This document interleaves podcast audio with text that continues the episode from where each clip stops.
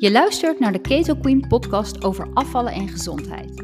We brengen de fun weer terug in het ontwikkelen van een nieuwe leefstijl uit liefde voor jezelf, waardoor je voor eens en altijd uit de dieetmindset kunt stappen en een gezonde relatie met eten ontwikkelt. Ik ben Romana Zwitser, ortomoleculair therapeut, keto-expert en ervaringsdeskundige. Ik viel op eigen kracht 43 kilo af en weet dat al jaren stabiel te houden. Ik deel met jou mijn kennis en mijn eigen lessen, zodat jij het niet allemaal alleen hoeft te doen. Dus laten we beginnen. Ja, hoi, daar zijn we weer met een nieuwe aflevering van de Keto Queen podcast.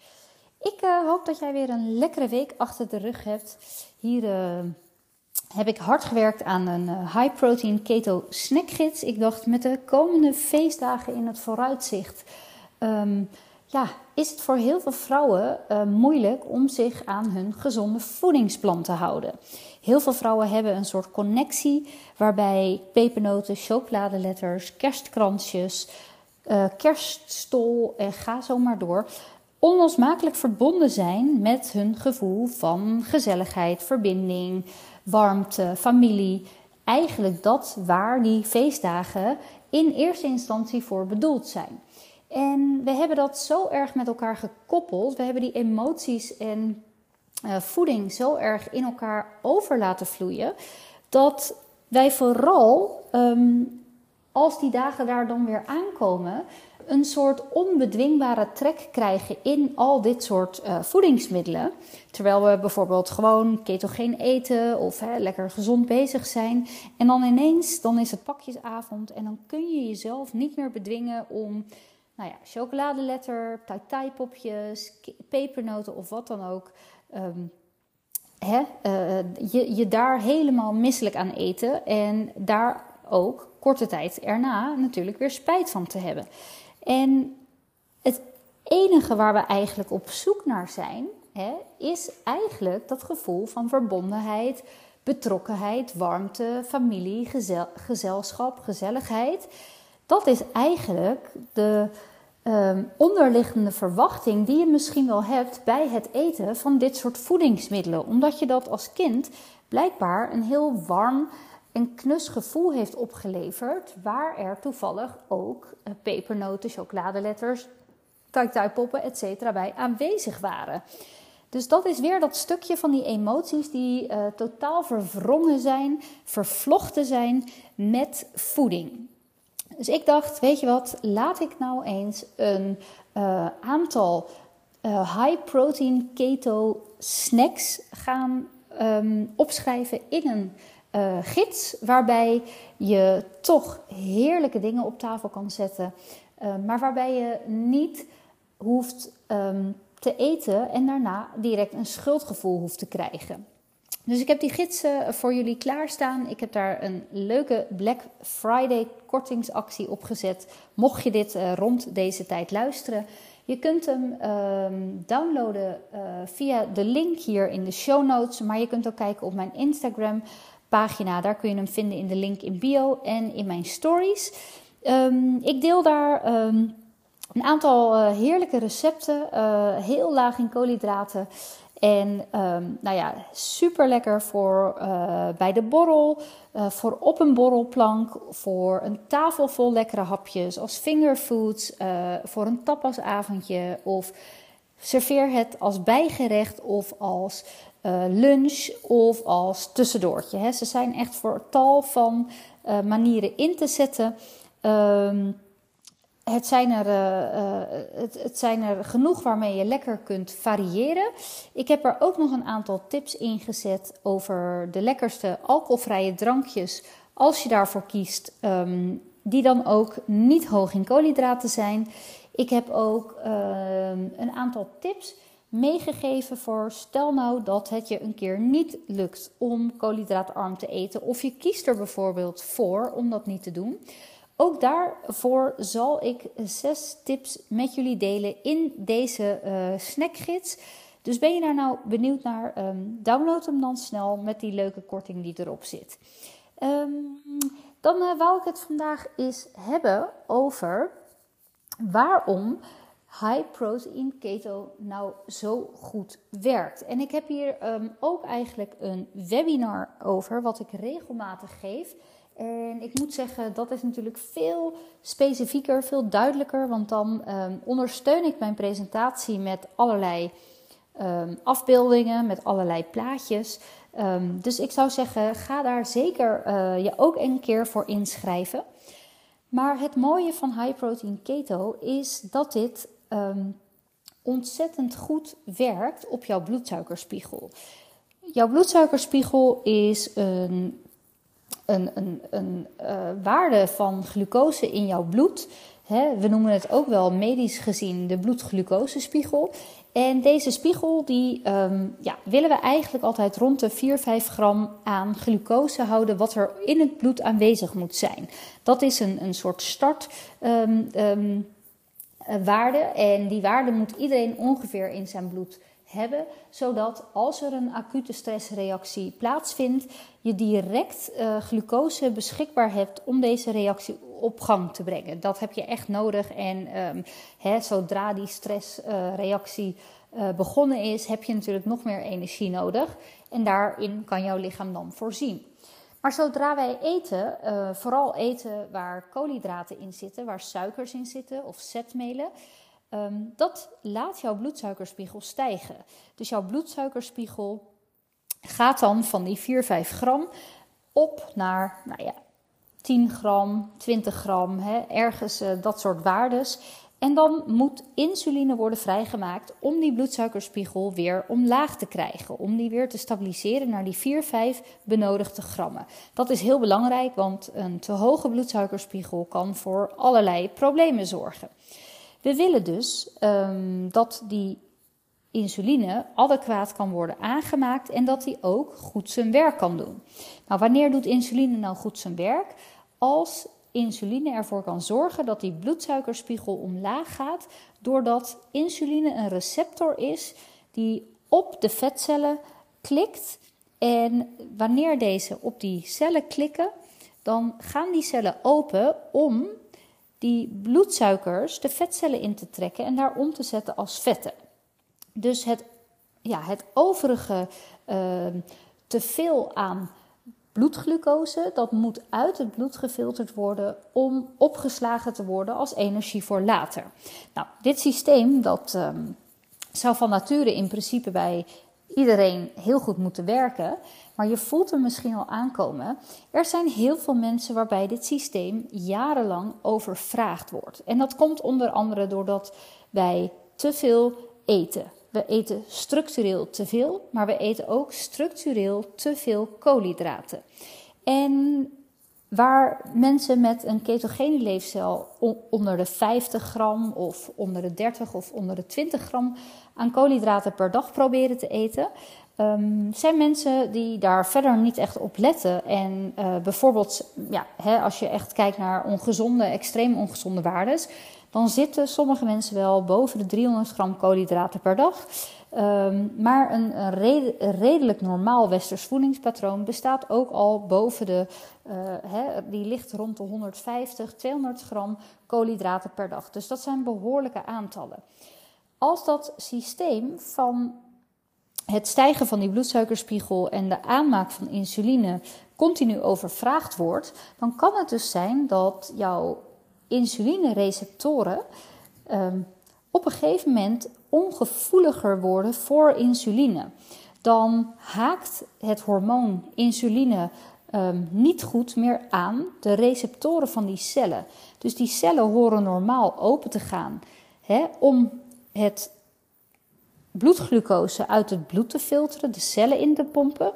Maar als deze cellen daarvoor ongevoelig worden en die receptoren als het ware lam worden, dan raakt dit systeem verstoord. En dan kunnen er minder goed bloedglucose worden ja, onttrokken uit het bloed en minder goed de cellen in.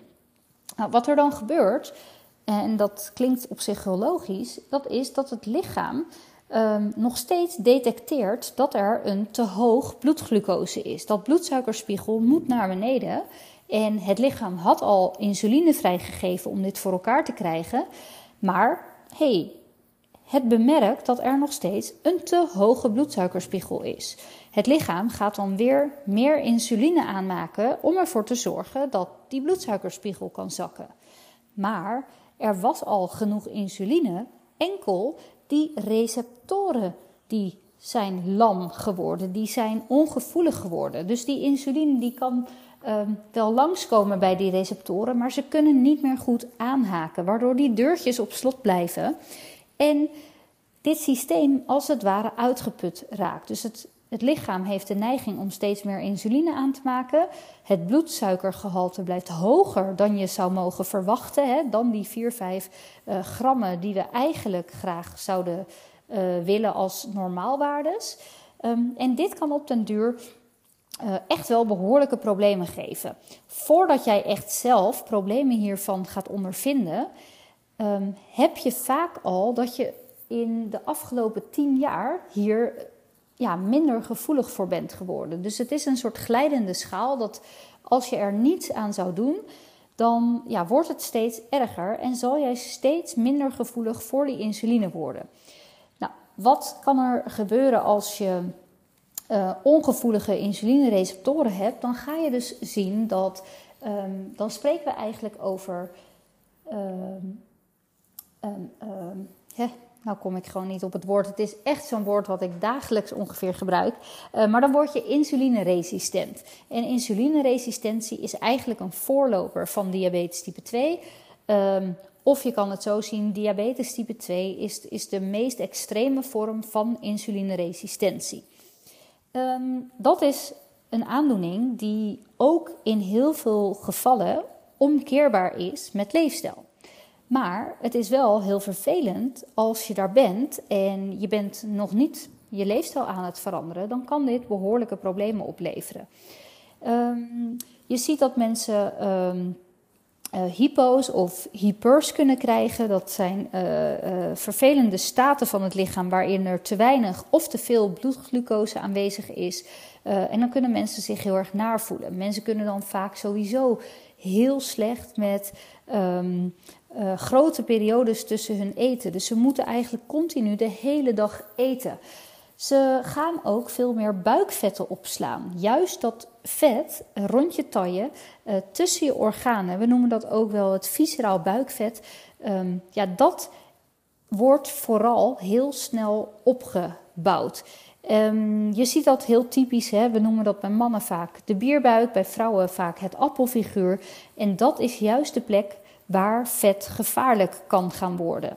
Je normale vet, wat subcutaan is, dat is het, het uh, laagje wat onder je huid zit. Dat is vaak soepel, daar kan je in knijpen, dat, hè, dat, dat beweegt lekker mee.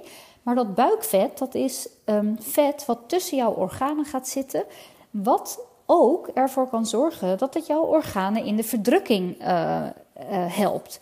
En dat is natuurlijk iets wat totaal niet wenselijk is. Dit vet laat zich ook typeren doordat het heel hard is, doordat het bol staat.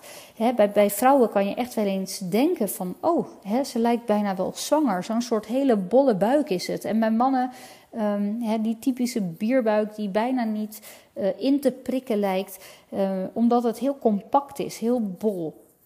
Nou, dat is absoluut iets wat je, wat je echt zou willen voorkomen. En dat kun je dus doen door minder koolhydraten te eten.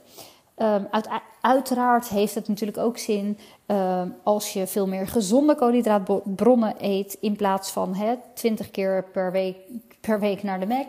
Uh, of alleen maar uh, afhankelijk bent van snoep en chips en suiker en koek. Um, hè, dat zijn natuurlijk altijd slechtere keuzes dan wanneer jij je koolhydraten haalt, uit um, zuivel, uit uh, uh, langzaam opneembare koolhydraten, hè, uh, zoete aardappelen, groenten, fruit, etc. etc. Um, toch kunnen er sommige mensen heel erg gevoelig reageren op alle soorten koolhydraten. Uh, wil jij dus zeg maar uh, jouw insulineresistentie terugdraaien en wil je dat doen met zoveel mogelijk gezonde bronnen aan koolhydraten, dus de bronnen waarvan jij hebt geleerd dat zijn langzaam opneembare koolhydraten, bijvoorbeeld havermout en zoete aardappel en um, allerlei andere pseudogranen, uh, volkorenbrood, dat kan voor sommige mensen niet afdoende werken. Dus het kan zo zijn dat jij daar niet genoeg voordelen van ondervindt als jij jouw leefstijl wilt aanpakken om ervoor te zorgen dat je niet um, allerlei klachten in stand blijft houden of in het ergste geval straks aan de diabetesmedicatie zou moeten. Voor sommige mensen houdt het dus in dat ze nog rigoureuzere stappen moeten nemen. En dit kan dus zijn in de vorm van het volgen van een ketogeen voedingsplan.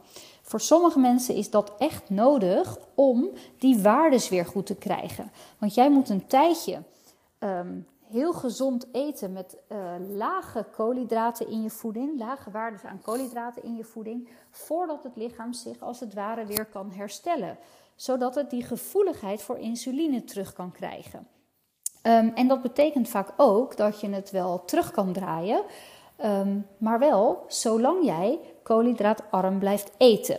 Zodra jij weer zou gaan uh, eten zoals je gewend was daarvoor, waarmee je die insulinegevoeligheid um, ja, eigenlijk teniet hebt gedaan, dan zal je dus ook merken dat jij na verloop van tijd weer die insulineresistentie helemaal terugkrijgt. Dus het is wel de bedoeling dat jij, als je daar een keer mee te maken hebt gehad, je laag in koolhydraten blijft eten om die voordelen op lange termijn ook vast te blijven houden. Nou, dat is een. Um, ja, dat is eigenlijk wat ik uh, daarover wilde delen. Dit is natuurlijk ook heel kort uh, gezegd. Dit is uh, zo simpel mogelijk uitgelegd. Um, ik geef daar maandelijks een webinar over, waarbij ik ook uh, het verhaal ondersteun met, um, met beelden, hè, waarbij je echt kan zien hoe dat nou werkt, wat nou het uh, gevaar ook is van die uh, snelle stijgende bloedsuikers, wat het gevaar is als je ook die bloedsuikers niet kunt laten zakken door de insuline die aanwezig is. Um, dat is wat mij betreft echt de drijvende kracht achter high protein keto. Dus wil je daar nog wat meer de diepte over in, wil je daar meer over weten, dan um, nodig ik je van harte uit om uh, bij een van die webinars te komen die ik hier maandelijks over geef. Uh, ik zal ook even een linkje plaatsen in de show notes, zodat je die uh, makkelijk kunt vinden. En um, ja, dan ben ik heel benieuwd of jij eh, van jezelf weet of je eh, zelf al insuline ongevoelig bent. Ben jij al insulineresistent? Of heb jij dat juist ook al heel mooi kunnen terugdraaien met keto of koolhydraatarm eten? Eh, laat het mij vooral weten, vind ik altijd leuk om te horen. En dan wens ik jullie voor nu een mooi weekend toe en tot de volgende podcast.